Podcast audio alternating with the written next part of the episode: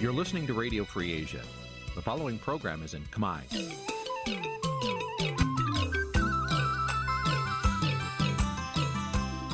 Nǐ chi càm bi tiệp xáy vệt chiu a zì sáy. នេះជាកម្មវិធីផ្សាយរបស់ Vithu Azisari ជាភាសាខ្មែរ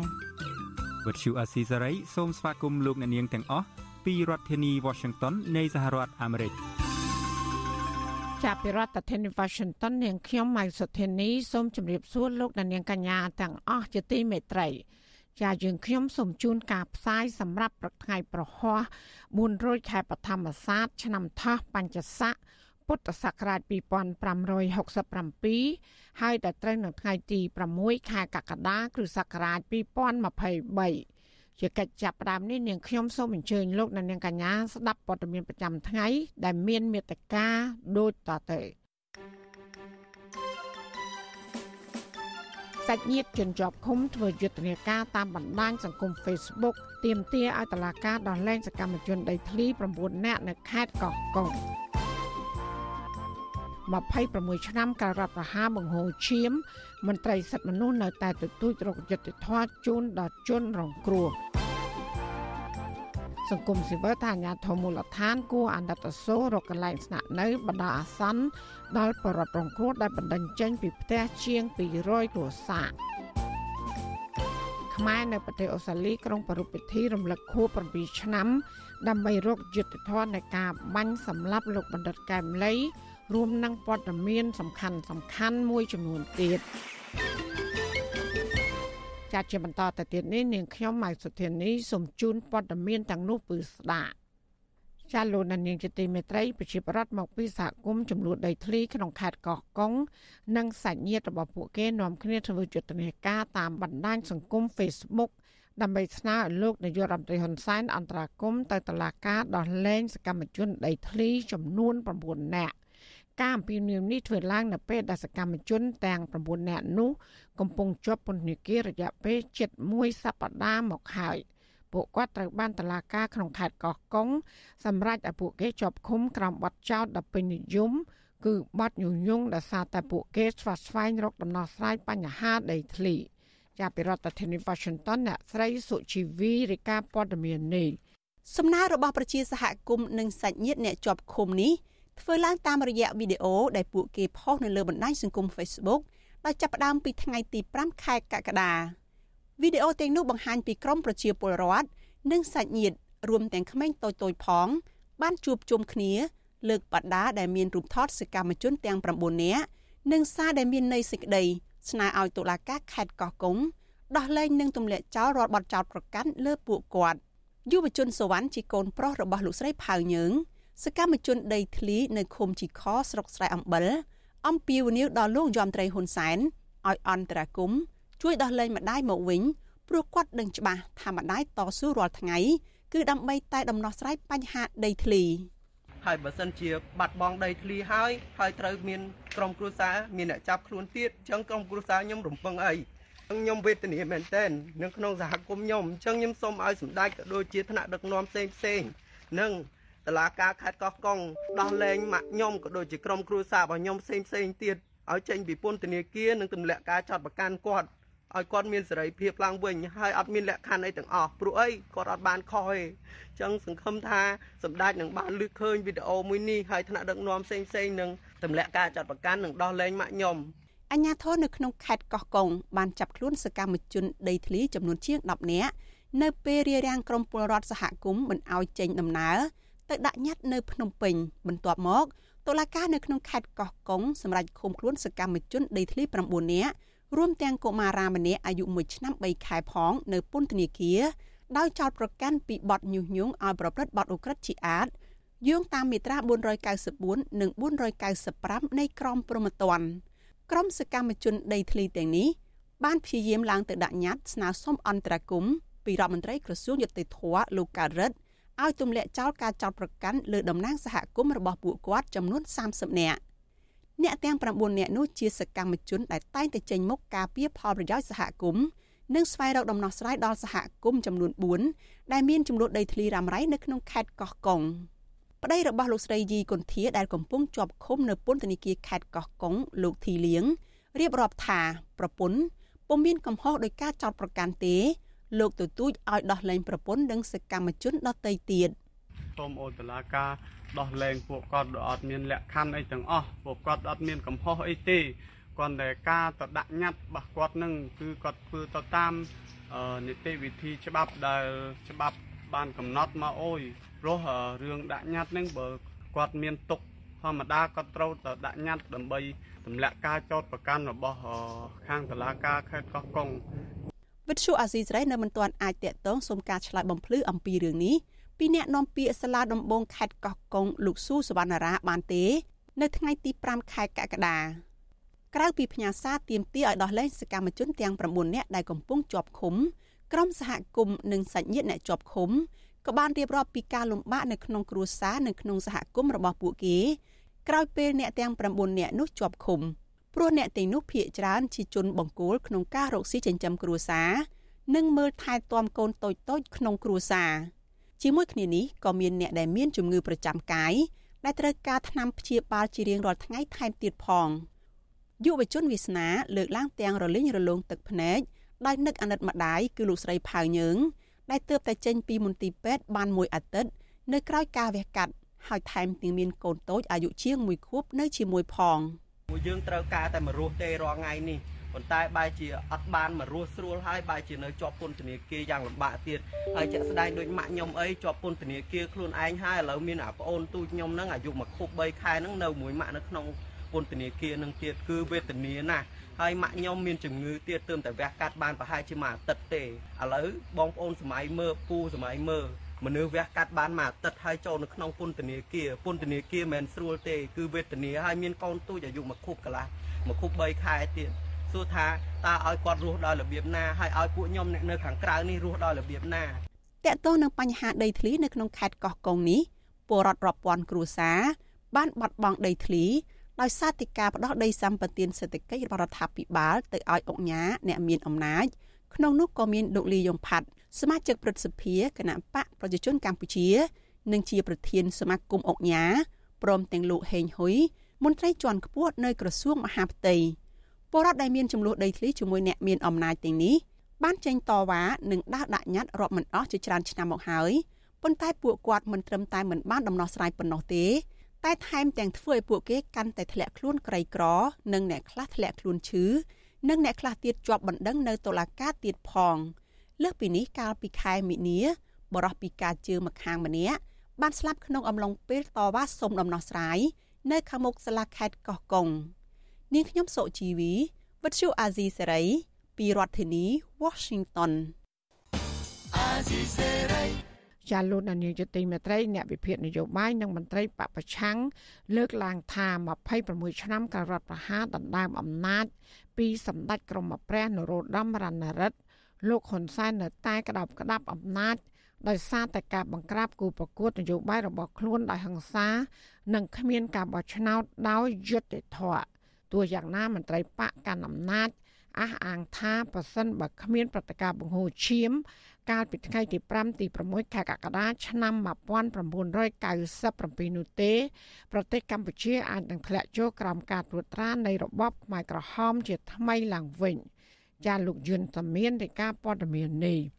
ថ្ងៃនេះកាលពី26ឆ្នាំមុនក្រមយោធារបស់លោកហ៊ុនសែនកំពុងប្រយុទ្ធដណ្ដើមអំណាចពីសម្ដេចក្រមព្រះនរោត្តមរណរដ្ឋបណ្ដាលឲ្យមានការបង្ហូរឈាមក្នុងទីក្រុងភ្នំពេញ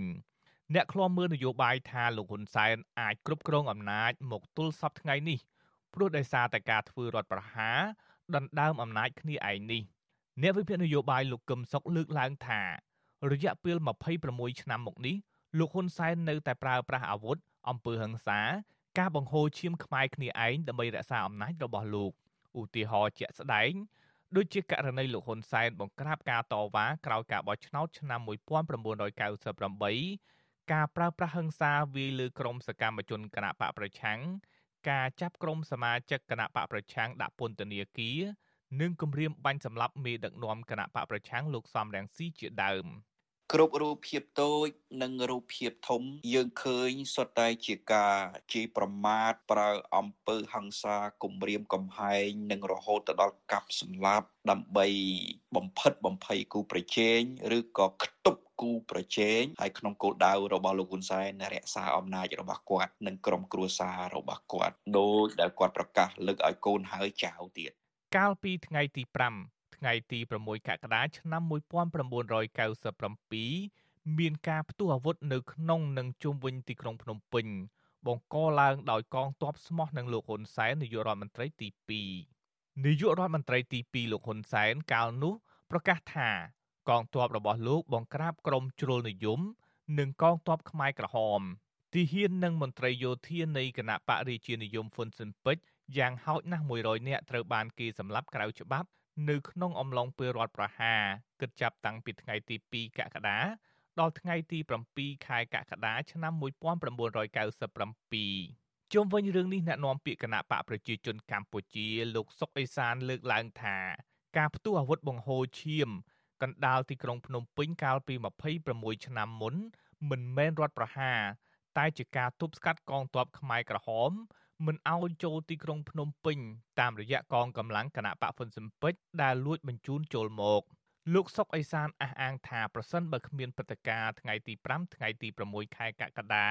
កងទ័ពខ្មែរក្រហមនឹងគ្រប់គ្រងប្រទេសកម្ពុជាជាថ្មីទៀតដែលអាចនឹងធ្វើឲ្យមានរបបវិលពិឃាតវិលត្រឡប់មកវិញ។ ហើយក្រហមជិះចូលមកលាក់ខ្លួននៅម្ដុំខាងជើងអឺអាកាសយានដ្ឋានពោធិ៍សតុងនេះគឺយើងឃើញហើយធ្វើឲ្យប្រជាពលរដ្ឋខ្មែរគ្រប់រូបទាំងអស់មានការព្រួយបារម្ភមានការភ័យខ្លាចជាសេបបមាកុំកុំកុំបានកម្លាំងកងយោធពលខេមរៈបំបិនមកទប់ស្កាត់ទាន់ពេលវេលានេះម្លេះមិនដឹងជាធ្វើវិនិស្សកម្មដែលបង្កឡើងដោយកម្លាំងខ្មែរក្រហមដែលនាំចូលដោយកម្លាំងហ៊ុនពេញនេះមិនដឹងជា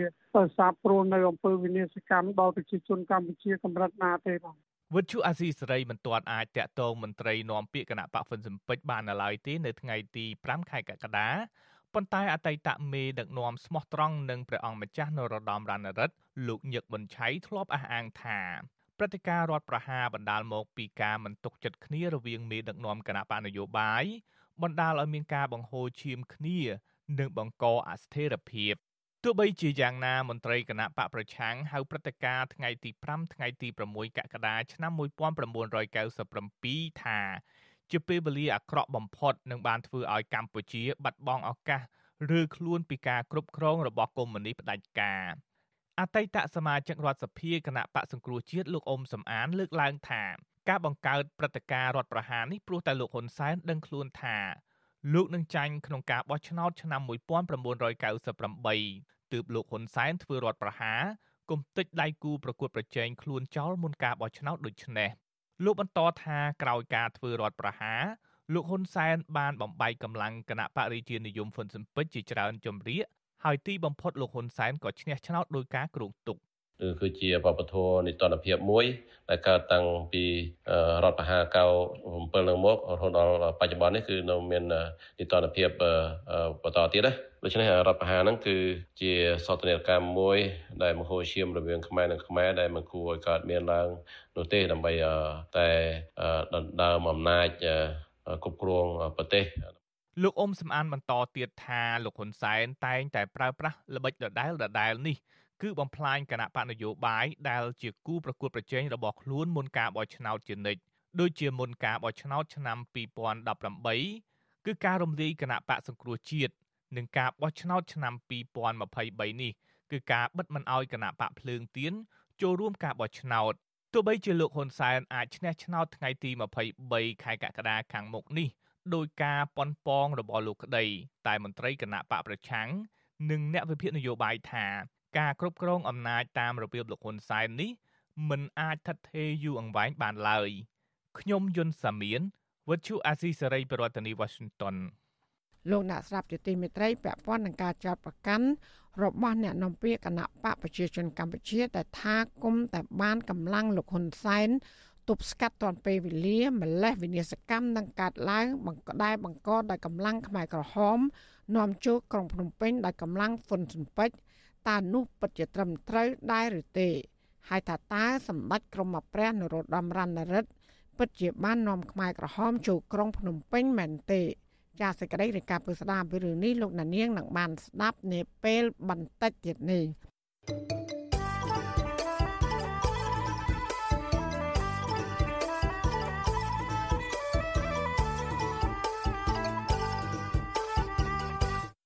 ចាលោកនានីជាទីមេត្រីតកតងនឹងរឿងលោកនាយករដ្ឋមន្ត្រីហ៊ុនសែននេះដែរប្រជាប្រដ្ឋនិងអ្នកវិភាគនយោបាយរិះគន់ថាលោកហ៊ុនសែនកំពុងបង្ហាញពីភាពផ្ដាច់ការឲ្យពិភពលោកបានដឹងកាន់តែច្បាស់បន្ទាប់ពីលោកបណ្ដេញសមាជិកក្រុមប្រឹក្សាភិបាលនៃក្រុមហ៊ុនមេតាដែលគ្រប់គ្រងបណ្ដាញសង្គម Facebook ចំនួន22នាក់ ចេញពីទឹកដីកម្ពុជាយ៉ាងតក់ក្រហល់ហើយប្រសិនបើពួកគេមានវត្តមាននៅកម្ពុជានឹងហាមមិនឲ្យឈានជើងចូលកម្ពុជាប្រជាប្រដ្ឋមួយចំនួនចាត់ទុកថានេះគឺជាការធ្វើទុកបុកម្នេញទៅលើសមាជិកក្រុមប្រឹក្សាភិបាលរបស់ក្រុមហ៊ុន Facebook ទាំងនោះបន្ទាប់ពីមានបណ្ដឹងស្នើផ្អាកទំព័រ Facebook របស់លោកហ៊ុនសែនរយៈពេល6ខែចា៎នេះគឺជាសកម្មភាពរបស់លោកទីនហ្សាការីយ៉ាជំវិញព័ត៌មាននេះ របបលោកហ៊ុនសែនបណ្ដេញក្រុមការងារក្រុមហ៊ុន Facebook 22នាក់ចេញពីទឹកដីកម្ពុជានឹងធ្វើឲ្យប៉ះពាល់ដល់ផលប្រយោជន៍និងមុខមាត់របស់រដ្ឋាភិបាលដែលយកអំណាចរដ្ឋមកគៀបសង្កត់លើក្រុមហ៊ុនឯកជនបរទេសនេះ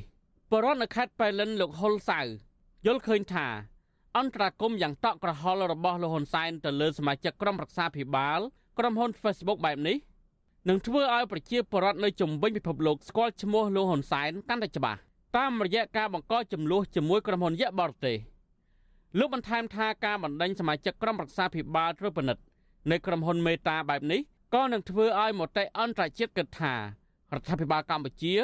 ខ្វះទំនួលខុសត្រូវនិងសិលធម៌ផ្នែកការទូតជារឿងអមនុស្សធម៌មែនទែនខឹងគឺជាការសងសឹកហើយនឹងការវិបកទៅលើក្រុមហ៊ុនមេតា Facebook តែម្ដងចំណែកកសិករនៅស្រុកប្រណិតព្រះខេត្តបន្ទាយមានជ័យ លោកសំសមិទ្ធយល់ឃើញថា ការបណ្ដេញក្រុមការងារក្រុមហ៊ុនមេតា22នាក់ចេញពីប្រទេសកម្ពុជានិងមិនអោយមកជន់ទឹកដីកម្ពុជាម្ដងទៀតនោះតំណងជាល្បិចរបស់លោកហ៊ុនសែនដើម្បីបិទបណ្ដាញសង្គម Facebook នៅកម្ពុជាតាមរយៈការធ្វើទុកបុកម្នេញតំណាងក្រុមហ៊ុនលោកបញ្ជាក់ទៀតថាបណ្ដាញសង្គម Facebook ដើរតួនាទីសំខាន់សម្រាប់ឲ្យបរិវត្តខ្មែរតាមដានព្រឹត្តិការណ៍សង្គម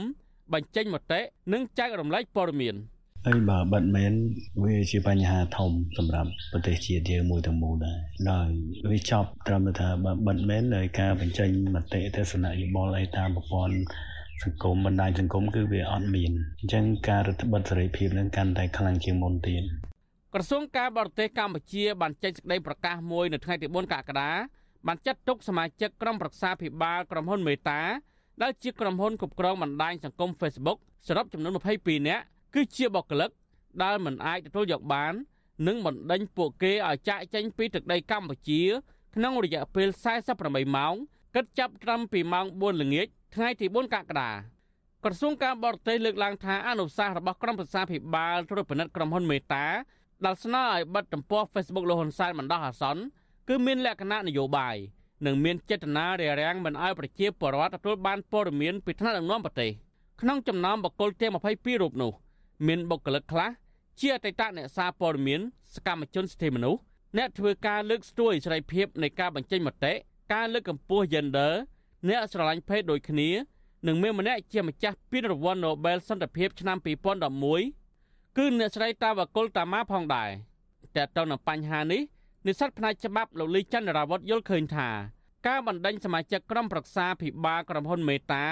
ក្រុមហេតុផលនយោបាយគឺជារឿងមិនសមស្រប គណៈក្រុមហ៊ុនមួយនេះគ្រាន់តែគោរពតាមគោលការណ៍ទប់ស្កាត់ការប្រើពាក្យសម្ដីហិង្សា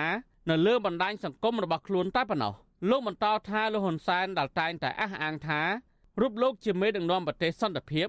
មិនគួរយករឿងផ្ទាល់ខ្លួនមកលាយឡំនឹងរឿងប្រទេសជាតិនោះឡើយហើយលោកហ៊ុនសែនត្រូវទទួលយកមតិរិះគន់នឹងការកែលម្អ ហើយការដេញចេញបិទមិនឲ្យចូលវិញនៅអ្នកដែលធ្លាប់ទទួលបានពានរង្វាន់ Nobel សន្តិភាពហ្នឹងវាជារឿងមួយគួរឲ្យអស់សំណោចនៅពេលដែលប្រទេសយើងអរគុណសន្តិភាពមាននៅតាមផ្លូវគ្រប់ខេត្តក្រុងសូម្បីតែទៅដល់បន្ទប់ទឹកសាធារណៈហ្នឹងក៏សឹងតែមានអរគុណសន្តិភាពដែរហ្នឹងប៉ុន្តែបែរជាដេញចេញនៅអ្នកដែលឈ្នះពានរង្វាន់ Nobel សន្តិភាពដែលជាអ្នកផ្សព្វផ្សាយអំពីសន្តិភាពដូចគ្នាបាទហើយវាធ្វើឲ្យបរទេសក៏សោចខ្មែរដែរខ្ញុំយល់ថាបើសិនជាគេជជែកគ្នាពីរឿងហ្នឹងវាប្រទេសយើងគឺខ្លាចទៅជាសំណោចនៃប្រទេសដទៃ គោលការណ៍របស់ក្រុមហ៊ុន Facebook បានកំណត់ហាមឃាត់មិនឲ្យប្រើប្រាស់សំណេរឬពាក្យសម្ដីណាដែលមានលក្ខណៈបង្កប់ការគំរាមកំហែងការរើសអើងនិងការប្រើប្រាស់អំពើហិង្សានៅលើមេតិកានៅក្នុងបណ្ដាញសង្គមនោះទេអ្នកវិភាគនយោបាយលោកកំសុកបញ្ជាក់ថាវិធានការរបស់លោកហ៊ុនសែនលើក្រុមហ៊ុន Facebook បែបនេះនឹងធ្វើឲ្យក្រុមហ៊ុនបរទេសដែលរកស៊ីសុចរិតមានការភ័យខ្លាចអំពីការរំលោភសិទ្ធិនិងគោលការណ៍ឯកជនភាពពីសំណាក់រដ្ឋាភិបាល ទន្ទឹមនឹងគ្នានេះក្រុមហ៊ុនបរទេសផ្សេងទៀតនឹងមិនហ៊ានមកវិនិយោគនៅកម្ពុជានោះឡើយកុំភ្លេចថាក្រុមហ៊ុនមេតា Facebook មិនរកស៊ីតែឯងទេ មានភ្ជាប់បណ្ដាញទំនាក់ទំនងរកស៊ីជាមួយ Google YouTube និងក្រុមហ៊ុនពិភពលោកជាច្រើនផ្សេងទៀតដូច្នេះពួកគេប្រកាសជាប្រមូលផ្ដុំគ្នាមានវិធានការយូរអង្វែងលើរដ្ឋាភិបាលលោកហ៊ុនសែនហើយគ្រាន់តែរបៀបធ្វើរបស់ពួកគេជាអ្នកចេះដឹងកម្រិតអន្តរជាតិមិនធ្វើតាមកម្រោលទេ គឺគេធ្វើតាមបែបបទច្បាប់និងគន្លងអន្តរជាតិហើយ ការបណ្តេញចេញសមាជិកក្រុមប្រឹក្សាភិបាលក្រុមហ៊ុនមេតាទាំង22រូបនេះធ្វើឡើងក្រោយពីក្រសួងប្រៃសណីនិងទូរគមនាគមន៍បិទការិយាល័យតំណាងក្រុមហ៊ុនកាលពីថ្ងៃទី1កក្កដាជំនួសឲ្យការបិទបណ្ដាញសង្គមដ៏ពេញនិយមមួយនេះនៅកម្ពុជាប្រជាពលរដ្ឋនិងអ្នកវិភាគនយោបាយយល់ឃើញថាលោកហ៊ុនសែនមិនហ៊ានបិទបណ្ដាញសង្គមមួយនេះទេដោយសារលោកខ្លាយប្រជាពលរដ្ឋទាស់ចិត្តហើយមិនបោះឆ្នោតឲ្យលោកតែលោកបដូរយុទ្ធសាស្ត្រធ្វើទុកបុកម្នេញក្រុមហ៊ុន Facebook ឥតឈប់ឈរ ដោយដែលលោកចាត់វិធានការទៅលើអ្នករិះគន់និងក្រុមអ្នកប្រឆាំងនៅកម្ពុជាកន្លងមកនោះដែរខ្ញុំបាទធីនសាការីយ៉ាអស៊ីសេរីប្រធានីវ៉ាស៊ីនតោនចាលោកនាងកញ្ញាកំពុងស្ដាប់ការផ្សាយរបស់វិទ្យុអស៊ីសេរីផ្សាយចេញពីរដ្ឋធានី Washington ដំណើរគ្នានឹងស្ដាប់ការផ្សាយរបស់វិទ្យុអស៊ីសេរីតាមបណ្ដាញសង្គម Facebook និង YouTube លោកនាងកញ្ញាក៏អាចស្ដាប់ការផ្សាយរបស់វិទ្យុអស៊ីសេរី តាមរលកធាតុអាកាសខ្លីឬ short wave តាមកម្រិតនិងកម្ពស់ដូចតទៅចាប់ពេលព្រឹកចាប់ពីម៉ោង5កន្លះដល់ម៉ោង6កន្លះតាមរយៈប៉ុស SW 12.14 MHz ស្មើនឹងកម្ពស់ 25m ចាប់ប៉ុស SW 13.71 MHz ស្មើនឹងកម្ពស់ 22m ចាសម្រាប់ពេលយប់វិញចាប់ពីម៉ោង7កន្លះដល់ម៉ោង8កន្លះ តាមរយៈប៉ុស SW 9.33 MHz ស្មើនឹងកម្ពស់ 32m ប៉ុស SW 11.88 MHz ស្មើនឹងកម្ពស់ 25m និងប៉ុស SW 12.14 MHz ស្មើនឹងកម្ពស់ 25m ចាសសូមអរគុណចាលោកនានីជាទីមេត្រីនៅឯខេត្តបាត់ដំបងអនុវិញ ម្ចាស់ចំការដែលប្រដ្ឋមានចំនួនដីធ្លីជាង200គ្រួសារស្នាក់នៅបណ្ដោះអាសន្នក្រោយពីអាជ្ញាធរបានឈូសឆាយផ្ទះសម្បែងបានបណ្ដេញពួកគាត់ចេញទាំងកណ្ដាលយប់កាលពីថ្ងៃទី4ខែកក្កដាមន្ត្រីសង្គមស៊ីវិលថាអាជ្ញាធរមូលដ្ឋានគួរតែមានចិត្តមេត្តាផ្ដល់ជំនួយមនុស្សធម៌ឬក៏ទីកន្លែងស្នាក់នៅបណ្ដោះអាសន្នដល់បរិវត្តទាំងនោះដែលកំពុងរស់នៅយ៉ាងលំបាកក្នុងនាមជាខ្មែរដូចគ្នា ចាលោកជាតិចំណាននៃការព័ត៌មាននេះម្ចាស់ចំការស្វាយបានបណ្ដេញពលរដ្ឋដែលអាជ្ញាធរខេត្តបាត់ដំបងជួឆាយផ្ទះចេញទាំងយប់នៅថ្ងៃទី4ខែកក្កដាដោយមិនបានបញ្ជាក់ពីមូលហេតុនោះឡើយពលរដ្ឋថាការមិនអនុញ្ញាតឲ្យពួកគាត់ស្នាក់នៅបន្តនេះអាចមកពីអាជ្ញាធរបានគម្រាមកំហែងតាមរូបភាពណាមួយដល់ម្ចាស់ចំការទើបម្ចាស់ចំការសម្រេចចិត្តដេញពួកគាត់ចេញទាំងកណ្ដាលយប់បែបនេះពលរដ្ឋបញ្ជាក់ថាតាំងពីថ្ងៃដែលអាជ្ញាធរជួឆាយផ្ទះមកអាជ្ញាធរបានតាមឃ្លាំមើលពួកគាត់ជាប់ជានិច្ចសម្បីតែពេលទៅផ្សារទិញម្ហូបជាដើម ពួកគាត់ថ្លែងតែក្តីកង្វល់ថាពេលនេះពួកគាត់ប្រៀបដូចជាទូកនៅកណ្ដាលសមុទ្រមើលមិនដឹងកោះត្រោយរីឯផ្ទះសម្បែងក៏ត្រូវអាជ្ញាធរជួសឆាយអស់មិនមានរបស់របរចានឆ្នាំងប្រើប្រាស់ដោយសារតែអាជ្ញាធរមិនអោយប្រមូលចេញហើយសាច់ញាតិបងប្អូនក៏ត្រូវបានអាជ្ញាធរចាប់ដាក់គុកពួកគាត់បន្តថាពួកគាត់កំពុងតែរស់នៅដែលគ្មានមេគ្រួសារគ្មានអ្នករកលុយចិញ្ចឹមកូនហើយត្រូវបង្ខំចិត្តឲ្យកូនកូនឈប់រៀនដើម្បីធ្វើការរកលុយដោះស្រាយបញ្ហាចំពោះមុខពលរដ្ឋនៅឃុំតាតោកដែលអាជ្ញាធរបានឈូសឆាយផ្ទះសម្បែងដែលមានកូន3នាក់ក្នុងបន្ទុក ក្នុងនោះមានកូនតូចអាយុជាង1ឆ្នាំគឺលោកស្រីមាសផែនប្រាប់វិទ្យុអស៊ីសេរីថាអាជ្ញាធរបានចាប់ខ្លួនប្តីនិងសាច់ញាតិបងប្អូនថែមទាំងឈូសឆាយផ្ទះនិងកំទេចរបស់របរគ្មានសល់ហើយពេលនេះគាត់កំពុងស្នាក់នៅបណ្ដោះអាសន្នជាមួយនឹងបងប្អូនតិចទី អស់ឆ្នាំងចានអីខ្ញុំអត់បាននៅផ្ទះខ្ញុំឡៃទៅមើលប្តីដល់អញ្ចឹងទៅវាតិចទីរបស់អស់វាក្រេអី vẫn ខូចអស់ឲ្យយើងនេះអាលៀបក្តារអីហ្នឹងខូចអស់បានតែកៅអៅតិចតួចកូនប្រមូលបានចានឆ្នាំងតិចតួចលោកស្រីរៀបរាប់ទាំងទឹកភ្នែកពីស្ថានភាពដ៏លំបាកនេះដោយគ្មានលុយកាក់ក្នុងខ្លួនទើបដើរខ្ចីលុយគេដើម្បីទៅមើលប្តីឡើងសាវនាការលោកស្រីបន្ថែមថាដោយសារតែបញ្ហាជីវភាពនេះគាត់មិនមានលទ្ធភាពឲ្យកូនទៅរៀននោះទេ និយាយទៅលំបាកបាក់មែនតែនហ្មងខ្ចីលុយមីងអស់ហើយមើលនេះគ្រាន់ឡើងឡើងមើលប្តីវិគុំខ្លួនទៀតមិនដឹងថាគិតយ៉ាងណាចាខ្ញុំសូមឲ្យ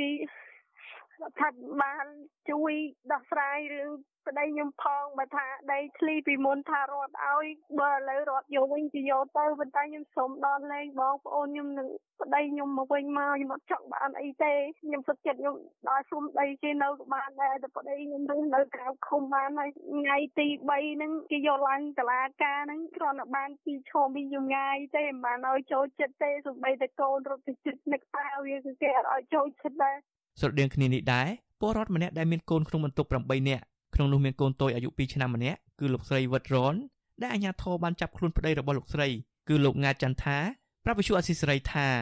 កាលពីយប់ថ្ងៃទី4ខែកក្កដាម្ចាស់ចំការបានបណ្ដេញពលរដ្ឋប្រមាណ30គ្រួសារចេញពីចំការលោកស្រីបន្តថាលោកស្រីនិងពលរដ្ឋដទៃទៀតទើបតែរើចេញពីចំការនោះនៅព្រឹកថ្ងៃទី5ខែកក្កដាលោកស្រីបន្តទៀតថាពលរដ្ឋខ្លះបន្តសំដីពលរដ្ឋតាមផ្លូវស្នាក់នៅអ្នកខ្លះទៀត បន្តសំដីចំការគេផ្សេងទៀតដើម្បីស្នាក់នៅអីដេញទៅលពូព្រោះអីនិយាយចំនិយាយចំទៅ ខាងពួកគាត់រុករៀនមិនឲ្យទៅសំណាក់នៅតាណាបានទេឥឡូវពួកគាត់ដើររកកន្លែងសំណាក់អ្នកខ្លះទៅក៏ចេញសុំផ្ទះគេសម្រាប់រៀងរៀងខ្លួនលោកស្រីបន្តទៀតថាក្រោយពីប្តីជាប់ពន្ធនាគារមកគាត់កំពុងតែជួបបញ្ហាជីវភាពរស់នៅរំពឹងលើអ្នកភូមិផ្ដល់អាហារហូបចុកបន្តិចបន្តួចនិងគ្មានលទ្ធភាពសងបំណុលធនាគារ លោកស្រីស្នើដល់តុលាការឲ្យដោះលែងប្តីរបស់គាត់ឲ្យមានសេរីភាពឡើងវិញខ្ញុំរាល់ថ្ងៃនិយាយចំទៅខ្ញុំបានគេឲ្យហូបទេលពូអើយខ្ញុំបានគេគេឲ្យអង្គឲ្យអីហូបហើយបើថាប្រឈមមុខនឹងរឿងអង្គការវិញខ្ញុំមិនទាន់ដឹងនិយាយថាម៉េចទេព្រោះអីពេលដែលខ្ញុំទៅនៅនឹងខ្ញុំពឹងបងស្រីខ្ញុំឲ្យចងការស្ថាប័នអង្គការឲ្យដើម្បីខ្ញុំទៅឯនោះខ្ញុំធ្វើទុនរកស៊ីអញ្ចឹងណាវិសុអស៊ីសេរីមិនអាចតាក់ទងអធិការនគរបាលស្រុកសំឡូតលោកម៉ែនរីមអ្នកនាំពាក្យសាលាដំបងខេត្តបាត់ដំបង អ្នកស្រីជាច័ន្ទរស្មីនិងអភិបាលខេត្តបាត់ដំបងលោកសុកលូដើម្បីសុំការអធិប្បាយជុំវិញបញ្ហានេះបានទេទោះជាយ៉ាងណាអ្នកសម្របសម្រួលផ្នែកខ្លំមើលការរំលោភសិទ្ធិមនុស្សនៃអង្គការលីកាដូខេត្តបាត់ដំបងលោកអិនគង្ជិតមានប្រសាសន៍ថា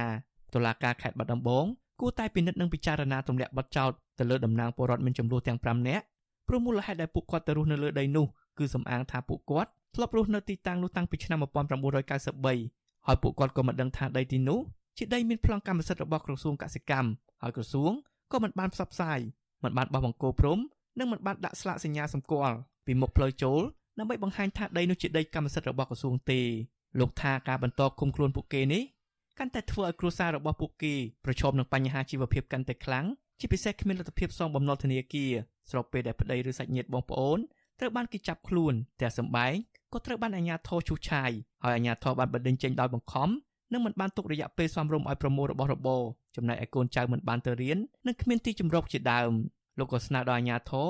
គួរផ្ដល់ជំនួយមនុស្សធម៌និងស្វែងរកកន្លែងស្នាក់នៅជាបណ្ដោះអាសន្នដល់ពលរដ្ឋទាំងនោះ។ យើងសូមអំពាវនាវដល់អាជ្ញាធរឃុំស្រុកខេត្តគួរពិនិត្យករណីនេះហើយគួរតែមានការជួយឧបត្ថម្ភបាទដល់ពួកគាត់ក្នុងនាមជាអង្គើមនុស្សធម៌ទៅលើពួកគាត់ព្រោះពួកគាត់អត់មានគ្នាច្រើននេះឥឡូវនៅសល់ប្រហែលជា30គ្រួសារដែលគាត់អត់មានទីជម្រកស្នាក់នៅសមរម្យហើយកំពុងតែគិតថាមិនដឹងទៅឯណា ទៅណីដូចចកនៅកណ្ដាលសមុទ្របាទ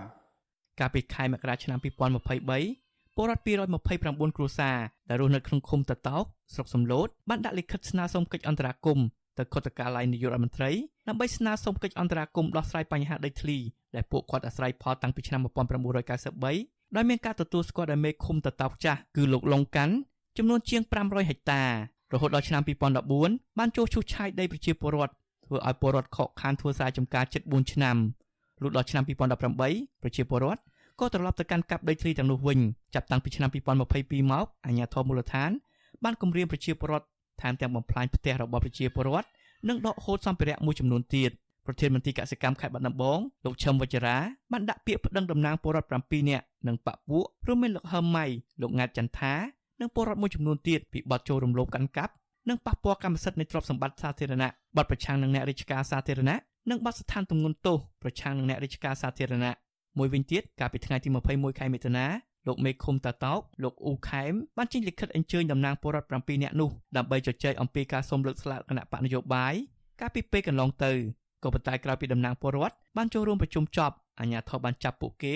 រួចបញ្ជូនទៅតុលាការខេត្តបាត់ដំបងនៅថ្ងៃទី23ខែតុលាតុលាការខេត្តបាត់ដំបងបានឃុំខ្លួនតំណាងពលរដ្ឋ5នាក់ក្រោមបទចោទរំលោភយកដីកម្មសិទ្ធិឯកជនរបស់រដ្ឋរហូតដល់ថ្ងៃទី28ខែមិថុនាកន្លងទៅអាជ្ញាធរបានប្រើគ្រឿងចាក់ ឈូសឆាយផ្ទះប្រជាពលរដ្ឋអស់ជាច្រើនគ្រួសារក្រោមហេតុផលថាពលរដ្ឋទាំងនោះសង់ផ្ទះរំលោភលើដីក្រសួងកសិកម្មហើយបានហាមឃាត់មិនឲ្យពលរដ្ឋចូលទៅប្រមូលយកទ្រព្យសម្បត្តិនិងសត្វចិញ្ចឹមរបស់ពួកគេចេញនោះទេ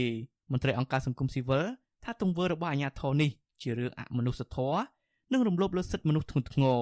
សង្គមស៊ីវិលស្នើដល់តុលាការឲ្យទម្លាក់បទចោទប្រកាន់ទៅលើតំណាងពលរដ្ឋទាំងអស់ឲ្យមានសេរីភាពឡើងវិញនិងអំពាវនាវឲ្យអាជ្ញាធរស្វែងរកទីតាំងឲ្យពលរដ្ឋស្នាក់នៅបណ្ដោះអាសន្ន ខ្ញុំបាទជាចំណាន Visual ស៊ីស្រីប្រធានាទី Washington ចាលោកនានីជាទីមេត្រីប្រជាប្រដ្ឋរងគ្រោះដោយសារទិញបរិយ VIP គម្រាមថាពួកគេនឹងចូលទៅកាន់កាប់ដីនិងផ្ទះនៅក្នុងបរិយនោះដោយខ្លួនឯងប៉ះសិនបាញាធរខេត្តបរសៃអនុនៅតែមិនអាចស្វែងរកដំណោះស្រាយការលើកឡើងនេះនៅបន្ទាប់ពីអាជ្ញាធរខេត្តនេះនៅមិនទាន់មានដំណោះស្រាយបញ្ចប់បញ្ហានេះហើយគម្រាមជំរុញសំណុំរឿងនេះទៅតុលាការ មន្ត្រីអង្គការសង្គមស៊ីវិលថាបរដ្ឋជួបទុកលំបាកអាញាធរគត់តែប្រាពាកពេជ្រឲ្យបានសំរុំនិងពន្លឿននីតិវិធីដោះស្រាយចាលោកលេងម៉ាលីរាយការណ៍ព័ត៌មាននេះតំណាងពលរដ្ឋរងគ្រោះដោយសារទិញបុរី VIP នៅខេត្តព្រះសីហនុអស់ជំនឿលើអាញាធរខេត្តក្នុងការស្វែងរកដំណោះស្រាយបញ្ចប់វិវាទដីធ្លីផ្ទះសម្បែងនេះពលរដ្ឋថាសំណើសុំជួបភាគីអាញាធរខេត្តដើម្បីជជែកស្វែងរកដំណោះស្រាយ ភាគីអាញាធរខេត្តមិនងាយអនុញ្ញាតឲ្យពលរដ្ឋបានជួបនោះទេពលរដ្ឋបន្តទៀតថាដើម្បីអាចជួបជាមួយភាគីអាជ្ញាធរខេត្តមានតែប្រមូលផ្ដុំគ្នាសម្ដែងមតិនៅខាងមុខសាលាខេត្តឬតាមដងផ្លូវទើបអាចមានការណាត់ជួបណាមួយដើម្បីជជែកគ្នារដ្ឋបាលខេត្តព្រះសីហនុធ្លាប់បានប្រជុំស្វែងរកដំណោះស្រាយវិវាទរវាងពលរដ្ឋនិងក្រុមហ៊ុនបូរី VIP ជាច្រើនដងតាំងតែពីឆ្នាំ2022 ក៏ប៉ុន្តែការប្រជុំនេះបានត្រឹមតែធ្វើកំណត់ហេតុនិងមិនមានអ្វីជាដុំកំភួននោះទេ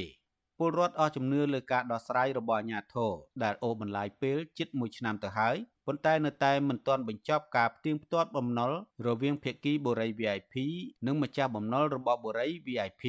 ពលរដ្ឋនិយាយទាំងអូលដាំករៀបរាប់ពីភាពលំបាករបស់អតិថិជនបូរី VIP ថា អ្នកមកទិញផ្ទះនៅបូរីនេះមានទាំងពលរដ្ឋសាមញ្ញ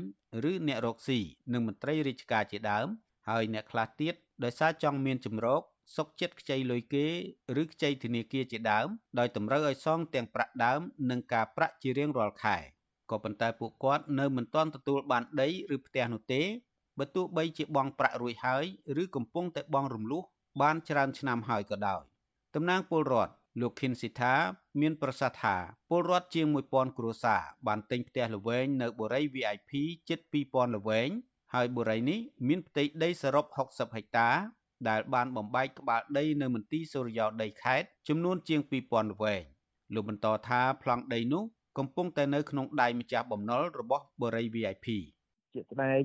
សំបីតាបរិយនឹងបើកបងលុយឲ្យឆែកដីគេក៏អត់គ្រប់ដែរប៉ុន្តែគឺម្ចាស់ដីហ្នឹងគឺឲ្យគេកាត់ឈ្មោះឲ្យទៅម្ចាស់កម្រងដល់ពេលឥឡូវម្ចាស់កម្រងរត់បាត់បែរជាម្ចាស់ដីមកទាលុយថាគេអត់ទាន់បង់លុយឲ្យនៅខ្វះលុយច្រើនហើយនឹងមានម្ចាស់បំណុលខ្លះគាត់ថាប្លង់ដីហ្នឹងនៅលើគាត់លោកលើកឡើងជាចម្ងល់ថាមិនដឹងថាអាជ្ញាធរខេត្តមានឆន្ទៈក្នុងការដោះស្រាយបញ្ចប់វិវាទនេះដែរឬទេ ពីព្រោះចាប់តាំងតែពីពេលអាជ្ញាធរប្រជុំស្វែងរកដំណោះស្រាយជិត1ឆ្នាំហើយនៅតែមិនទាន់អាចផ្ទៀងផ្ទាត់បំណុលរវាងភាគីបូរី និងម្ចាស់បំណុលរបស់បូរីបាននៅឡើយ ការប្រជុំលើកទី1ដែលអភិបាលខេត្តគាត់ហៅខាងតំណាងរបស់ប្រជាពលរដ្ឋមានជាង100គ្រួសារហ្នឹងមានតំណាងប្រមាណអ្នកដែលគាត់ចូលរួមប្រជុំជាមួយនឹងម្ចាស់បុរីជាមួយនឹងថ្នាក់ដឹកនាំហ្នឹងចូលមួយឆ្នាំហើយម្ដងនេះគាត់ចូលមួយឆ្នាំហើយតែដំណោះស្រាយគឺអត់មានហើយមានទាំងលោកអភិបាលខេត្តគាត់បាននិយាយទៀតគាត់ថាបើសិនជាម្ចាស់បុរីមិនអនុវត្តកាតព្វកិច្ចហ្នឹងមិនមែនបោកប្រាស់តែប្រជាពលរដ្ឋទេគឺបោកប្រាស់ទៅដល់អាជ្ញាធរទៀតតែឥឡូវបោកប្រាស់ដល់អាជ្ញាធរបោកប្រាស់ទៅដល់អភិបាលខេត្តទៀតតែនៅធ្វើអីជាអត់ចេញលោកបន្ថែមទៀតថាអភិបាលខេត្តព្រះសីហនុលោកគួយចម្រើន ធ្លាប់មានប្រសាសន៍ក្នុងពេលប្រជុំថាបើសិនជាពលរដ្ឋនៅតែបន្តតវ៉ាលើកបដាតាមដងផ្លូវទៀតគាត់នឹងជំរុះរឿងនេះទៅតុលាការលោកបញ្ជាក់ថាមិនមានពលរដ្ឋណាម្នាក់ចង់ឲ្យវិវាទជាមួយបុរីរុញទៅតុលាការនោះទេព្រោះត្រូវខាតពេលវេលា ហើយសំណង់ដែលបានសាងសង់នៅក្នុងបុរីនឹងកាន់តែទ្រុឌទ្រោម លោកស្នើដល់លោកនាយករដ្ឋមន្ត្រីហ៊ុនសែនឲ្យចេញមុខអន្តរាគមន៍ដោះស្រាយវិវាទនេះមួយវិញទៀតតំណាងពលរដ្ឋរូបនេះថ្លែងថាពលរដ្ឋនឹងទៅកាន់កាប់លើដីនិងផ្ទះនៅក្នុងបុរីដោយខ្លួនឯងប្រសិនបើការដោះស្រាយរបស់អាជ្ញាធរអូសបន្លាយពេលកាន់តែយូរតទៅទៀតវិទ្យុអស៊ីសេរីនៅពុំទាន់អាចតាក់ទងអភិបាលខេត្តព្រះសីហនុលោកគួចចម្រើន បាននៅឡើយទេនៅថ្ងៃទី4កក្កដាទោះយ៉ាងណាក្តីអ្នកសម្របសម្រួលសមាគមអាត់ហុកប្រចាំខេត្តព្រះសីហនុ អ្នកស្រីជាបសុធារី សង្កេតឃើញថាមិនមែនត្រឹមតែបុរី VIP មួយនោះទេ គឺអាជីវកម្មពុះដីឡូផ្ទះល្វែងខុនដូ នៅក្នុងក្រុងព្រះសីហនុគឺកំពុងតែជួបបញ្ហាជាច្រើនកន្លែងអ្នកស្រីថាបញ្ហានេះអាចបណ្ដាលមកពីក្រុមហ៊ុនទាំងនោះវិនិយោគច្រើនកន្លែងដែលត្រូវបង្វិលលុយទៅមកទើបបង្កជាហានិភ័យអ្នកស្រីស្នើដល់អាជ្ញាធរឲ្យយល់ពីអារម្មណ៍របស់ពលរដ្ឋដែលកំពុងជួបបញ្ហា និងប្រើប្រាស់ពាក្យសម្ដីសមរម្យ សម្រាប់សម្រួលគ្នាទៅវិញទៅមកដោយប្រើពាក្យសម្ដីសមរម្យទៅអាចធ្វើឲ្យប្រជាប្រដ្ឋអាចជាអតិថិជនរបស់ក្រុមហ៊ុនហ្នឹងគាត់រៀងស្ងប់ងាប់ចិត្តដែរប៉ុន្តែជានិយាយវាអត់មានអីច្បាស់លាស់អត់មានកំណត់ហេតុឬក៏ការសាកសួរអីថាឥឡូវអតិថិជនឈ្មោះកនេះគាត់បងបងប្រហែលភាគរយហើយនៅសល់ប្រហែលភាគរយអីអញ្ចឹងណាយើងមានកំណត់ត្រាមួយហើយមាន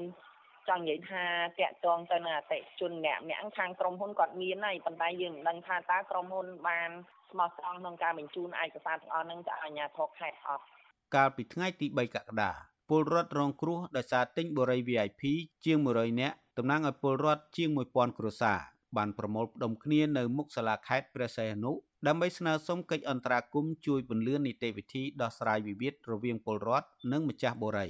ក៏ប៉ុន្តែរដ្ឋបាលខេត្តព្រះសីហនុមិនមានតំណាងណាម្នាក់ចេញមកជួបពលរដ្ឋនោះទេ ពលគឺមានត្រឹមតែមន្ត្រីនៃមន្ទីរមុខងារសាធារណៈដែលបានឲ្យពលរដ្ឋរងចាំកិច្ចប្រជុំដោះស្រាយវិវាទនេះនៅថ្ងៃទី10កក្កដាពលរដ្ឋនិងមន្ត្រីអង្គការសង្គមស៊ីវិលស្នើដល់អាជ្ញាធរឲ្យពន្យាការដោះស្រាយវិវាទនេះទន្ទឹមគ្នានេះពលរដ្ឋនិងមន្ត្រីអង្គការសង្គមស៊ីវិលស្នើដល់អាជ្ញាធរឲ្យពន្យាការដោះស្រាយវិវាទមួយនេះខ្ញុំបាទលេងម៉ាលីវិទ្យុអស៊ីសេរី Washington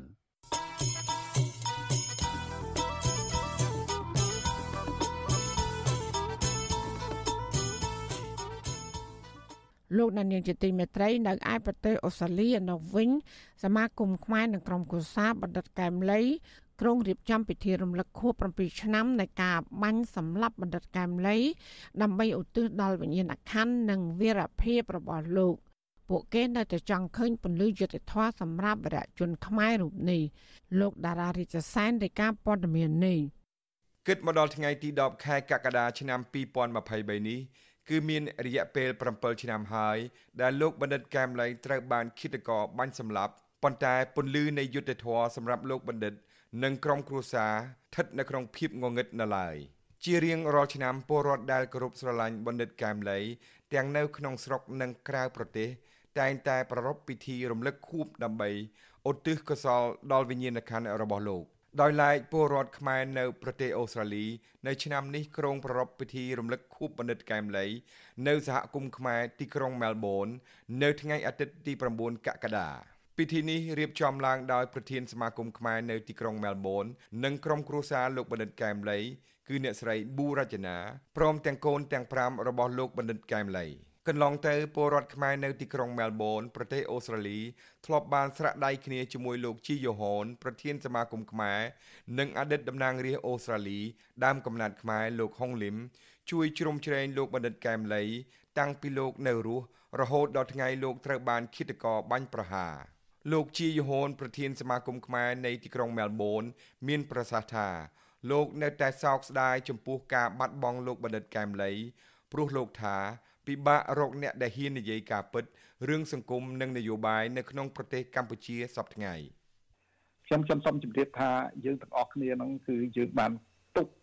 លោកបណ្ឌិតកែមលីគឺជាវីរៈបរោះរបស់យើងគឺជាអ្នកដែលហ៊ាននិយាយហ៊ានថាឃើញខុសថាខុសឃើញត្រូវថាត្រូវ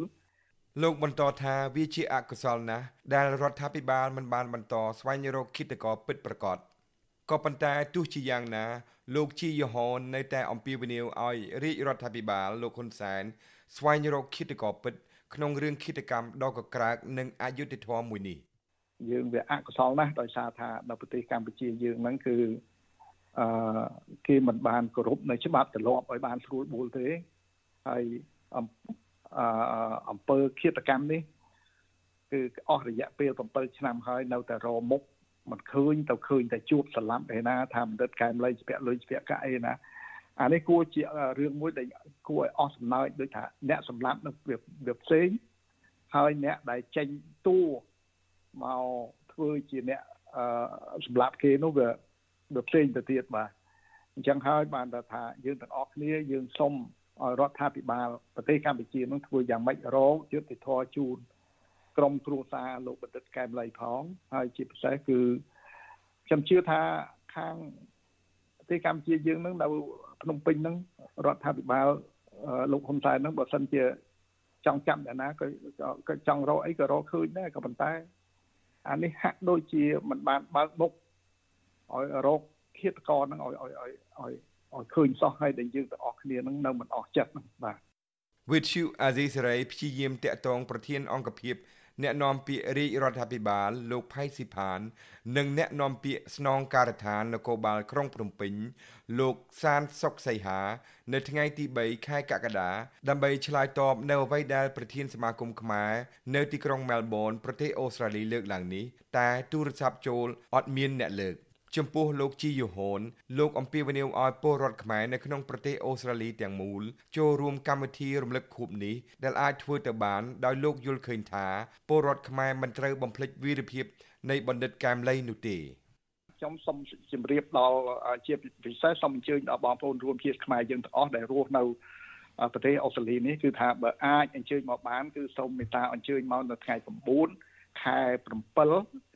អឺឆ្នាំ2023នេះគឺនៅទីស្នាក់ការសមាគមខ្មែរអឺផ្ទះលេខ52 Queen's Avenue Springvale គឺថាអញ្ជើញមករួបរวมគ្នាពីព្រោះយើងមិនអាចបំភ្លេចនៅវីរៈភាពរបស់វីរៈបរោះខ្មែរយើងនេះបានទេដូច្នេះសូមអញ្ជើញមករួបរวมគ្នាដើម្បីជួយធ្វើបុណ្យហើយជារំលឹកដល់ខួបដែលឃាតករគេមកសម្លាប់លោកបណ្ឌិតរបស់យើងបាទ អ្នកស្រាវជ្រាវការអភិវឌ្ឍសង្គមនិងអ្នកវិភាគនយោបាយដ៏មានប្រជាប្រិយភាពបណ្ឌិតកែមលីត្រូវបានខ្មាន់កំភ្លើងបាញ់សម្លាប់នៅព្រឹកថ្ងៃទី10ខែកក្កដាឆ្នាំ2016នៅឯស្តាម៉ាតក្នុងស្ថានីយ៍លក់ប្រេងឥន្ធនៈកាល់តិចក្នុងទីក្រុងភ្នំពេញ ការបាញ់ប្រហារនេះកើតឡើងក្រោយអ្នកវិភាគរូបនេះ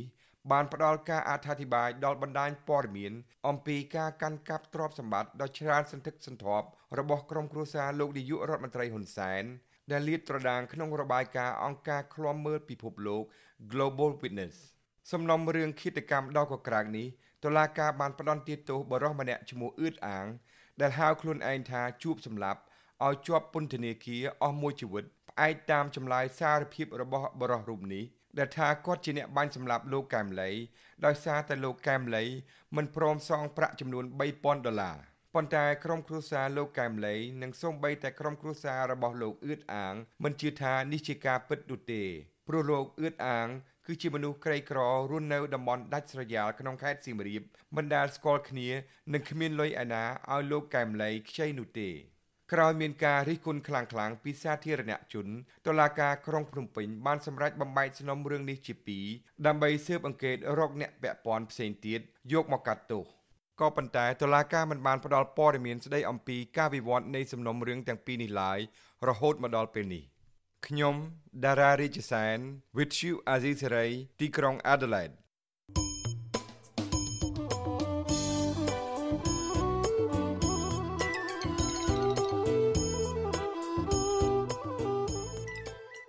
លោកដានៀងកញ្ញាកំពុងស្ដាប់ការផ្សាយរបស់វិទ្យុអសីស្រីផ្សាយចេញពីរដ្ឋធានី Washington មន្ត្រីសិទ្ធិមនុស្សនិងអ្នកវិភាគនយោបាយនៅតែទទូចឲ្យមានការស៊ើបអង្កេតរកអ្នកទទួលខុសត្រូវចំពោះការសម្លាប់មនុស្សក្រៅច្បាប់លើក្រុមមន្ត្រីយោធានិងប៉ូលីសដែលស្មោះស្ម័គ្ររបស់គណៈបកហ្វុនស៊ិនពេជ្រកាលពីថ្ងៃទី5និងទី6ខែកក្កដាឆ្នាំ1997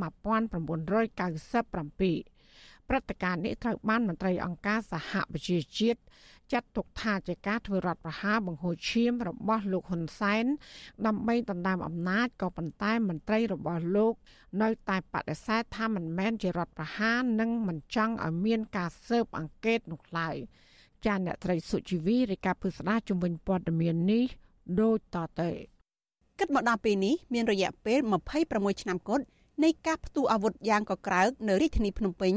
ដែលត្រូវបានមន្ត្រីអង្គការសហប្រជាជាតិផ្នែកសិទ្ធិមនុស្សប្រចាំនៅកម្ពុជាពេលនោះចាត់ទុកថាជាព្រឹត្តិការណ៍រដ្ឋប្រហារបង្ហូរឈាម ដឹកនាំដោយលោកហ៊ុនសែននាយករដ្ឋមន្ត្រីទី2ដើម្បីដណ្ដើមអំណាចពីនាយករដ្ឋមន្ត្រីទី1គឺសម្ដេចក្រមព្រះនរោត្តមរណរដ្ឋប្រធានគណៈបករាជានិយមហ៊ុនស៊ិនពេជ្ររដ្ឋប្រហារបង្ហូរឈាមមួយប្រៅកាលនោះបានធ្វើឲ្យជនស្លូតត្រង់ជាច្រើនអ្នករួមទាំងកុមារផងបានរងរបួសនិងស្លាប់ជាពិសេសការចាប់ចងនិងសម្លាប់ក្រៅច្បាប់ លើមន្ត្រីប៉ូលីសមន្ត្រីយោធាជាន់ខ្ពស់ប្រមាណ60នាក់របស់គណៈបកហ្វុនស៊ិនពេជ្រដែលមកដល់ពេលនេះពុំទាន់មានការស៊ើបអង្កេតរោគយុត្តិធម៌នៅឡើយប្រធានសមាគមការពារសិទ្ធិមនុស្សនិងអភិវឌ្ឍនៅកម្ពុជាហៅកាត់ថាអាត6លោកនីសុខាប្រាប់វិទ្យុអាស៊ីសេរីកាលពីថ្ងៃទី5ខែកក្កដាថាលោកចង់ឲ្យមានការស៊ើបអង្កេតដោយឯករាជ្យមួយដែលមានការចូលរួមពីអន្តរជាតិផ្នែកសិទ្ធិមនុស្សដើម្បីស្វែងរកពីមូលហេតុពិតប្រាកដ នៃការផ្ទុះអាវុធកាលពីឆ្នាំ1997ក្នុងបំណងបញ្ឈប់ការចោទប្រកាន់គ្នាទៅវិញទៅមកដើម្បីផ្ដល់យុត្តិធម៌ដល់គ្រួសារជនរងគ្រោះលើសពីនេះក៏ដើម្បីលុបបំបាត់អំពើនីតិរដ្ឋភាពឬភាពគ្មានទោសពៃសម្រាប់អ ுக ្រិតជននៅកម្ពុជាទោះជាយ៉ាងណាលោកបន្តថាកម្ពុជាដែលគ្មានច្បាប់ប្រហារជីវិតនោះដូច្នេះការកាប់សម្លាប់មនុស្សទាំងជាប់ចំណងឬខ្នោះដៃនិងគ្មានអាវុធនៅក្នុងដៃគឺជារឿងខុសច្បាប់ ហើយសូម្បីតែនៅក្នុងពេលសង្គ្រាមក៏ពុំអនុញ្ញាតឲ្យសម្លាប់គូសត្រូវបែបព្រៃផ្សៃបែបនេះដែរ។ ជាការរំលោភទៅលើគោលការណ៍សិទ្ធិមនុស្សដែរគឺថាគោលការណ៍សិទ្ធិមនុស្សគឺថាទោះបីថាស្រុកមានសង្គ្រាមបើសិនបើគេចាប់បានបច្ចាមិត្តគេមិនត្រូវយកទៅសម្លាប់ទេអញ្ចឹងអាហ្នឹងដែលគេទៅសាវជារោគឲ្យឃើញថាតើការស្លាប់ហ្នឹងវាស្លាប់នៅក្នុងលក្ខខណ្ឌបែបណាណាដើម្បីពិសេសគឺការរកឃើញបែបហ្នឹងធ្វើឲ្យខាងសាច់ញាតិក្រុមគ្រួសារហ្នឹងមានភាពអស់ចិត្តបាទបើសិនជាយើងមិនអញ្ចឹងទេខ្ញុំគិតថានេះវាស្ថិតនៅទោះបីថាយើងនិយាយថាវាមិនអាចមានការស៊ើបអង្កេតក៏ដោយប៉ុន្តែវាស្ថិតនៅក្នុងជាមន្ទិលរបស់អដេញសាច់ញាតិរបស់ជនរងគ្រោះដែលបានស្លាប់បាត់បង់ជីវិតទាំងអស់នឹងបាទនៅពេលមានការទទូចជារឿយៗពីមន្ត្រីសិទ្ធិមនុស្សឲ្យបើកការស៊ើបអង្កេតរកអ្នកទទួលខុសត្រូវទាំងនោះមន្ត្រីរដ្ឋាភិបាលលោកហ៊ុនសែនតែងបង្ហាញឆន្ទៈមិនចង់ឲ្យមានការស៊ើបអង្កេតឡើយលើសពីនេះថែមទាំងមិនសប្បាយចិត្តនៅពេលមានការរំលឹកថាព្រឹត្តិការណ៍បង្ហូរឈាមនោះជារដ្ឋប្រហារទៀតផងកន្លងទៅគណៈបកសង្គ្រោះជាតិធ្លាប់បានរៀបចំប្រពៃពិធីបាំងស្កូល ឧទ្ទិសកុសលនិងគោរពវិញ្ញាណក្ខន្ធអ្នកដែលស្លាប់នៅក្នុងព្រឹត្តិការណ៍រដ្ឋប្រហារនេះនៅមុនពេលគណៈបកនេះត្រូវរំលាយដោយរដ្ឋាភិបាលលោកហ៊ុនសែនអ្នកនាំពាក្យគណៈបកហ្វុនស៊ុនពេជ្រលោកញឿនរ៉ាដែនលើកឡើងថាគណៈបកមិនបានរៀបចំពិធីបាំងស្កូលដើម្បីឧទ្ទិសកុសលនិងគោរពវិញ្ញាណក្ខន្ធអតីតមន្ត្រីរបស់ខ្លួនដែលត្រូវគេចាប់ចងយកទៅសម្លាប់នៅថ្ងៃរដ្ឋប្រហារឆ្នាំ1997នោះទេ អ្នកនាំពាក្យរូបនេះបញ្ជាក់ថាមូលហេតុដោយសារតែប្រធានគណៈបកព្រះអង្គម្ចាស់នរោត្តមចក្រវុឌ្ឍនិងមន្ត្រីជាប់រវល់ធ្វើយុទ្ធនាការឃោសនាបោះឆ្នោតប៉ុន្តែថ្នាក់ដឹកនាំគណៈបកតែងតែឆ្លៀតឱកាសឧទ្ទិសកុសលទៅដល់ជនរងគ្រោះទាំងនោះជំនួសនៅពេលបុណ្យចូលឆ្នាំឬពិធីបុណ្យភ្ជុំបិណ្ឌថ្នាក់ដឹកនាំទាំងអស់គ្នាយើងចងចាំ តែប៉ុណ្្នឹងហើយចំណែកកម្មវិធីយើងមិនអាចប្រពបានទេដោយសារគណៈបកជាប់កំពុងតែធ្វើយុទ្ធនាការគ្រប់ទីកន្លែងបាទទោះមានការលើកឡើងពីមន្ត្រីគណៈបកហ្វុនស៊ុនពេជ្របែបនេះក្តីអតីតមន្ត្រីខុទ្ទកាល័យសម្ដេចក្រមព្រះនិងជាអ្នកវិភាគនយោបាយលោកកឹមសុខលើកឡើងថាការមិនធ្វើពិធីចងចាំអ្នកស្លាប់នៅថ្ងៃទី5ទី6ខែកក្កដាឆ្នាំ1997ជាការរំលឹកគុណចំពោះអ្នកដែលបានបូជាសាច់ស្រស់ឈាមស្រស់ដើម្បីការពារបូរណភាពទឹកដី និងលទ្ធិប្រជាធិបតេយ្យនិងជាការបន្ទន់អេរិយាប័តទទួលយកអ ுக ្រិតកម្មធ្វើរដ្ឋប្រហាររបស់លោកហ៊ុនសែនលោកបន្តថាថ្នាក់ដឹកនាំគណៈបកហ្វុនស៊ិនពេជ្របច្ចុប្បន្នគ្មានស្មារតីជាអ្នកតស៊ូប្រកួត ដើម្បីយុត្តិធម៌សង្គមឡើយលោកកឹមសុខលើកឡើងស្រដៀងទៅនឹងមន្ត្រីអង្គការសិទ្ធិមនុស្សអន្តរជាតិដែរថាក្រុមថ្នាក់ដឹកនាំគណៈបកប្រជាជនកម្ពុជាមួយចំនួន ដូចជាលោកឈីស៊ីមលោកសខេងលោកទីបាញ់និងលោកកែកំយ៉ាន មិនយល់ព្រមឲ្យធ្វើរដ្ឋប្រហារនោះឡើយហើយថារដ្ឋប្រហារនោះជារដ្ឋប្រហាររបស់លោកហ៊ុនសែនដើម្បីផ្ដួលរំលំរដ្ឋាភិបាលស្របច្បាប់វាជារដ្ឋប្រហាររបស់លោកហ៊ុនសែនសុទ្ធសាធពីព្រោះកងកម្លាំងរបស់លោកហ៊ុនសែនទាំងរត់ក្រោះទាំងថ្មើរជើងប្រមូលផ្ដុំគ្នាទាំងកងទាំងក្រុមសម្រាប់ទៅបន្ទាយកងទ័ពរបស់គណៈបកហ្វុនស៊ិនពេកសំណួរតើនៅលើពិភពលោកនេះអ្នកណាបើករត់ក្រោះ ប្រមូលកម្លាំងទាំងកងទាំងក្រុមទៅសួរសុខទុក្ខភាគីមកខាងទៀតដែលជាគូចំនួននោះក្រៅតែពីទៅផ្ដួលម្យ៉ាងវិញទៀតក៏នាំគ្នាទម្លាក់សម្ដេចក្រមព្រះនរោត្តមរណរដ្ឋចេញពីតំណែងជានាយករដ្ឋមន្ត្រីស្របច្បាប់បើមិនមែនជារដ្ឋប្រហារតើជាអ្វីក្រមមន្ត្រីជាន់ខ្ពស់សំខាន់សំខាន់របស់ហ៊ុនស៊ិនពេជ្រដែលត្រូវបានគេសម្លាប់ក្រៅច្បាប់អំឡុងរដ្ឋប្រហារនៅក្នុងឆ្នាំ1997រួមមានឧត្តមសេនីយ៍យោធាចៅសម្បត្តិ ឧត្តមសេនីយ៍យោធាក្រូចយឿមនិងលោកហូសុកមានតួនាទីជារដ្ឋលេខាធិការនៃក្រសួងមហាផ្ទៃនិងជាមេបញ្ជាការក្រុមកងអង្គរៈរបស់សម្ដេចក្រមព្រះនរោត្តមរណរដ្ឋលោកហូសុកត្រូវបានចាប់ខ្លួនដោយកងកម្លាំងរបស់លោកយមត្រីហ៊ុនសែននៅពេលលោកកំពុងដើរចេញពីផ្ទះរបស់ឯកអគ្គរដ្ឋទូតសង្ហបុរីហើយក្នុងថ្ងៃតែមួយលោកក៏ត្រូវគេបាញ់សម្លាប់នឹងគ្រាប់កាំភ្លើងខណៈកំពុងជាប់ឃុំនៅក្នុងក្រសួងមហាផ្ទៃ អតីតមន្ត្រីគណៈបកហ្វុនស៊ុនពេជ្រពីឆ្នាំ1994ដល់ឆ្នាំ2004និងជាអនុប្រធានគណៈបកសង្គ្រោះជាតិបច្ចុប្បន្ននេះលោកស្រីមួសុខហួរលើកឡើងថាលោកស្រីជាមនុស្សម្នាក់ដែលបានស្វែងរកមណ្ឌលកុមារកំព្រាសម្រាប់ធ្វើជាទីជម្រកទៅឲ្យកូនកូនរបស់មន្ត្រីគណៈបកហ្វុតសំពេចដែលត្រូវគេសម្លាប់លោកស្រីបញ្ជាក់ថាព្រឹត្តិការណ៍នៅពេលនោះជាការធ្វើរដ្ឋប្រហារដោយលោកហ៊ុនសែនដោយសារតែលោកចង់បានអំណាចហើយលោកបាយជាចោតប្រកាន់ស្រេចតែចិត្តរបស់ខ្លួនថា ក្រមមន្ត្រីស្ម័គ្រស្មោះរបស់គណៈបកហ្វុតសំពេចទាំងនោះជាអ្នកដឹកនាំកម្លាំងបង្កចលាចលឬអនាធបត័យនៅក្នុងសង្គមដោយអ្វីដែលលោកហ៊ុនសែនកំពុងចោទប្រកាន់លើមន្ត្រីគណៈបកសង្គ្រោះជាតិនៅពេលនេះថាជាក្រុមអូទៀមដើម្បីយកធ្វើជាលេសតាមកម្ចាត់សម្រាប់រក្សាអំណាចរបស់ខ្លួនដោយមិនខ្វល់ពីច្បាប់ជាតិនិងអន្តរជាតិឈាមគាត់ឈាមចេញមកពីឈាមខ្មែរក្រហមដូចខែសាហាវខូខើរបស់គាត់នៅជានិច្ច ដកនៅក្នុងអារម្មណ៍គាត់ជានិច្ចចឹងហើយបើឃើញថាអរយៈពេល38ឆ្នាំតែគាត់កាន់អំណាចហ្នឹងគាត់មិនដែលយោគយល់គាត់មិនដែលធ្វើឲ្យប្រទេសកម្ពុជាយើងខ្លាយទៅជានិច្ចរដ្ឋខ្លាយទៅជាកោះសន្តិភាពពិតប្រាកដទេជុំវិញការលើកឡើងទីនេះវិទ្យុអាស៊ីសេរីមិនអាចសុំការឆ្លើយតបពីប្រធានអង្គភិបអ្នកនាំពាក្យរដ្ឋាភិបាលលោកផៃស៊ីផាន និងអ្នកនាំពាក្យគណៈកម្មាធិការសិទ្ធិមនុស្សរបស់រដ្ឋាភិបាលលោកកតាអូនបានទេ នៅថ្ងៃទី5ខែកក្កដាទោះយ៉ាងណារដ្ឋាភិបាលលោកហ៊ុនសែនធ្លាប់ព្យាយាមពន្យល់ទៅសហគមន៍អន្តរជាតិថាព្រឹត្តិការណ៍ថ្ងៃទី5ទី6ខែកក្កដាជាសកម្មភាពយោធាប្រឆាំងសម្ដេចក្រមព្រះនិងកម្លាំងយោធារបស់ព្រះអង្គក្នុងការទប់ស្កាត់ការវិលមកវិញនៃកងទ័ពខ្មែរក្រហមនិងបានចោទប្រកាន់សម្ដេចក្រមព្រះថាបានសហការជាមួយខ្មែរក្រហមប្រឆាំងលោករួមទាំងនាំចូលនៅអាវុធខុសច្បាប់ពីក្រៅប្រទេស។ លើសពីនេះអ្នកនាំពាក្យគណៈបកប្រជាជនកម្ពុជាលោកសុកអេសានលើកឡើងថាក្រមមន្ត្រីជាន់ខ្ពស់គណៈបកហ្វុនសំពេចទាំងនោះស្លាប់ដោយសារតែការប្រយុទ្ធគ្នាមិនមែនដោយសារការចាប់ចងយកទៅសម្លាប់នោះទេ គាត់សង្គ្រាមវារយៈពេលខ្លីដើម្បីទប់ស្កាត់កុំឲ្យនាំកម្លាំងខ្មែរក្រហមចូលមកក្នុងប្រទេសនាំឲ្យមានក្រុមអន្តរាយដល់អាយុជីវិតប្រទេសជាតិជាថ្មីឡើងវិញតែប៉ុណ្ណោះទេបាទដូច្នេះអត់មានពីណាទៅកាត់ទោសគាត់ទេដូចជាទៅឈុតអីអាហ្នឹងវាយកឲ្យខេតកែបអីហ្នឹងអាហ្នឹងក្នុងច្បាំងទៅហើយគ្រូចយឺមអីហ្នឹងគាត់ក្នុងច្បាំងទៅមានណាទៅចាប់គាត់ដាក់តឡាការប៉ុន្តែជំវិញបញ្ហានេះលោក Brad Adams អតីតនាយកប្រតិបត្តិទទួលបន្ទុកកិច្ចការតំបន់អាស៊ីរបស់អង្គការឃ្លាំមើលសិទ្ធិមនុស្ស Human Rights Watch ធ្លាប់ប្រាប់វិទ្យុអាស៊ីសេរីថាតាមពិតអ្នកដែលនាំចូលសពាវុធខុសច្បាប់ច្រើនជាងគេគឺលោកហ៊ុនសែនហើយលើសពីនេះលោកហ៊ុនសែនក៏បានបង្កើតកងអង្គរៈផ្ទាល់ខ្លួនយ៉ាងតិច1000នាក់ដែលបំពាក់អាវុធទំនើបទំនើបនិងទទួលបានការវឹកវើប្រសើរជាងកងទ័ពការពារជាតិទៅទៀតហើយកងទ័ពទាំងនោះត្រូវប្រើប្រាស់នៅក្នុងការធ្វើរដ្ឋប្រហារលោក Brett Adams បន្តថា ការស្រាវជ្រាវនឹងចុះសម្ភាសផ្ទាល់ពីក្រមមន្ត្រីអង្គការសហប្រជាជាតិរកឃើញថាពុំមានការនាំចូលកងកម្លាំងខ្មែរក្រហមពីតំបន់អន្លង់វែងចូលទីក្រុងភ្នំពេញដោយការចោទប្រកាន់របស់លោកហ៊ុនសែនឡើយផ្ទុយទៅវិញលោកបញ្ជាក់ថាអ្នកដែលប្រើប្រាស់កងកម្លាំងខ្មែរក្រហមគឺលោកហ៊ុនសែនទៅវិញទេដោយសារមានអតីតមេបញ្ជាការខ្មែរក្រហមពីររូបគឺលោកកៅពុងនិងលោកភុនភៀបបានដឹកនាំកូនទាហានចូលរួមធ្វើរដ្ឋប្រហារទម្លាក់សម្ដេចក្រមព្រះពីនាយករដ្ឋមន្ត្រីស្របច្បាប់ ដែលកើតចេញពីការបោះឆ្នោតនៅក្នុងឆ្នាំ1993ដែលជាការបោះឆ្នោតដោយសេរីត្រឹមត្រូវនិងយុត្តិធម៌តែម្ដងគត់ដោយសារតែការរៀបចំដោយអង្គការសហប្រជាជាតិលោក Brett Adams ធ្លាប់បំពេញការងាររយៈពេល5ឆ្នាំនៅកម្ពុជា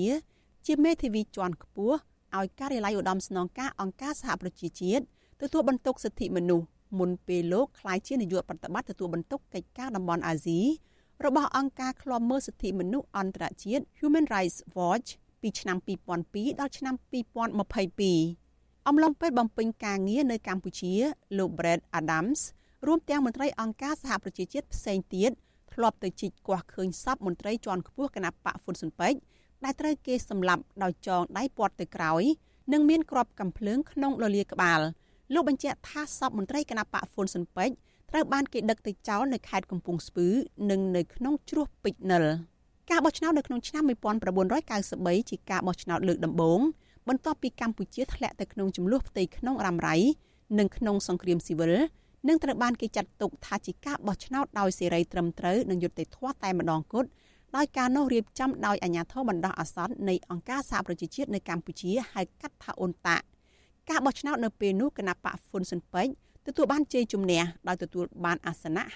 58គណៈគណៈបកប្រជាជនកម្ពុជាទទួលបាន51អាសនៈប៉ុន្តែដោយសារគណៈបកប្រជាជនកម្ពុជាមិនសុខចិត្តចាញ់ឆ្នោត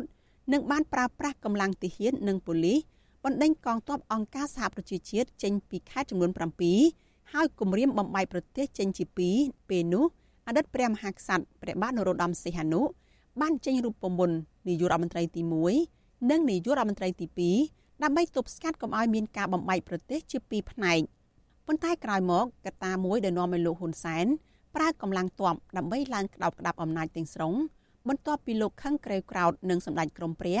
ដែលបានសម្រេចប្រតិនៅក្នុងកិច្ចប្រជុំមួយរបស់គណៈបកហ្វុនស៊ុនពេជ្រដែលមិនចង់បន្តធ្វើរដ្ឋាភិបាលចម្រុះជាមួយលោកនេះបើតាមការបញ្ជាក់របស់លោក Brett Adams ការធ្វើរដ្ឋប្រហារដណ្ដើមអំណាចរបស់លោកហ៊ុនសែននៅពេលនោះ ក៏ត្រូវបានគេចាត់ទុកថាជាការបំផ្លាញចោលនៅការខិតខំរបស់អង្គការសហប្រជាជាតិដែលចង់ឲ្យពលរដ្ឋខ្មែរទទួលបានសិទ្ធិសេរីភាពដោយបណ្ដាប្រទេសជឿនលឿនផ្សេងទៀតនិងការផ្លាស់ប្ដូរមេដឹកនាំតាមបែបសន្តិវិធីនិងឈប់បង្ហូរឈាមគ្នា ដែលពួកគេមិនធ្លាប់ទទួលបានកាលពីពេលមុនមកប៉ុន្តែរដ្ឋប្រហាររបស់លោកហ៊ុនសែនបានរុញច្រានកម្ពុជាឲ្យធ្លាក់ទៅក្នុងយុគសម័យខ្មៅងងឹតឡើងវិញ គឺមេដឹកនាំខ្មែរនាំគ្នាដណ្ដើមអំណាច តាមរយៈកម្លាំងប្រដាប់អាវុធនិងអំពើហិង្សានាងខ្ញុំសុជីវី With Shu Azizi Serai ពីរដ្ឋធានី Washington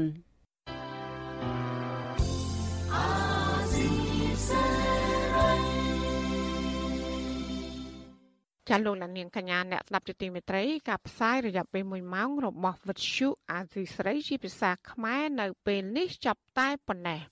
ចាយើងខ្ញុំទាំងអស់គ្នាសូមជូនពរលោកលានាងនិងក្រុមគ្រួសារទាំងអស់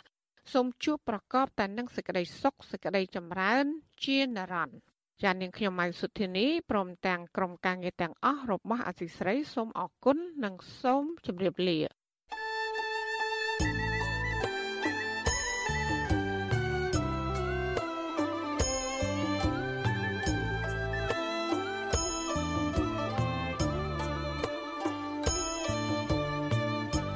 វិទ្យុអាស៊ីសេរីផ្សាយតាមរលក ធាតុអាកាសខ្លីតាមកម្រិត និងកម្ពស់ដូចតទៅនេះ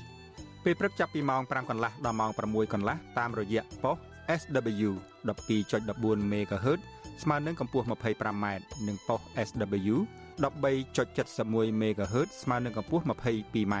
ពេលយប់ចាប់ពីម៉ោង7កន្លះដល់ម៉ោង8កន្លះតាមរយៈប៉ុស SW 9.33 MHz ស្មើនឹងកម្ពស់ 32m ប៉ុស SW 11.88 MHz ស្មើនឹងកម្ពស់ 25m និងប៉ុស SW 12.14 MHz ស្មើនឹងកម្ពស់ 25m លោកអ្នកនាងក៏អាចស្ដាប់និងទស្សនាការផ្សាយផ្ទាល់នៅលើគេហទំព័ររបស់ Vuthu Azizi Saray តាមរយៈអាស័យដ្ឋាន rfa.org/ ខ្មែរក្រៅពីនេះលោកអ្នកនាងក៏អាចអាននិងទស្សនាព័ត៌មាន Vuthu Azizi Saray លើទូរស័ព្ទដៃរបស់លោកអ្នកផ្ទាល់ សូមលោកអ្នកនាងដំឡើងកម្មវិធី Vuthu Azizi Saray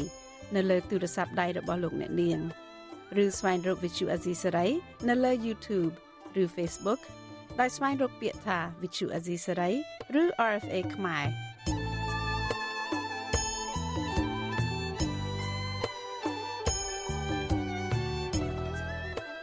សូមលោកអ្នកនាងចុច like follow និងចុច subscribe ដើម្បីទទួលបានព័ត៌មានថ្មីៗទាន់ហេតុការណ៍ និងទស្សនាវីដេអូផ្សេងៗទៀតបានគ្រប់ពេលវេលា thank you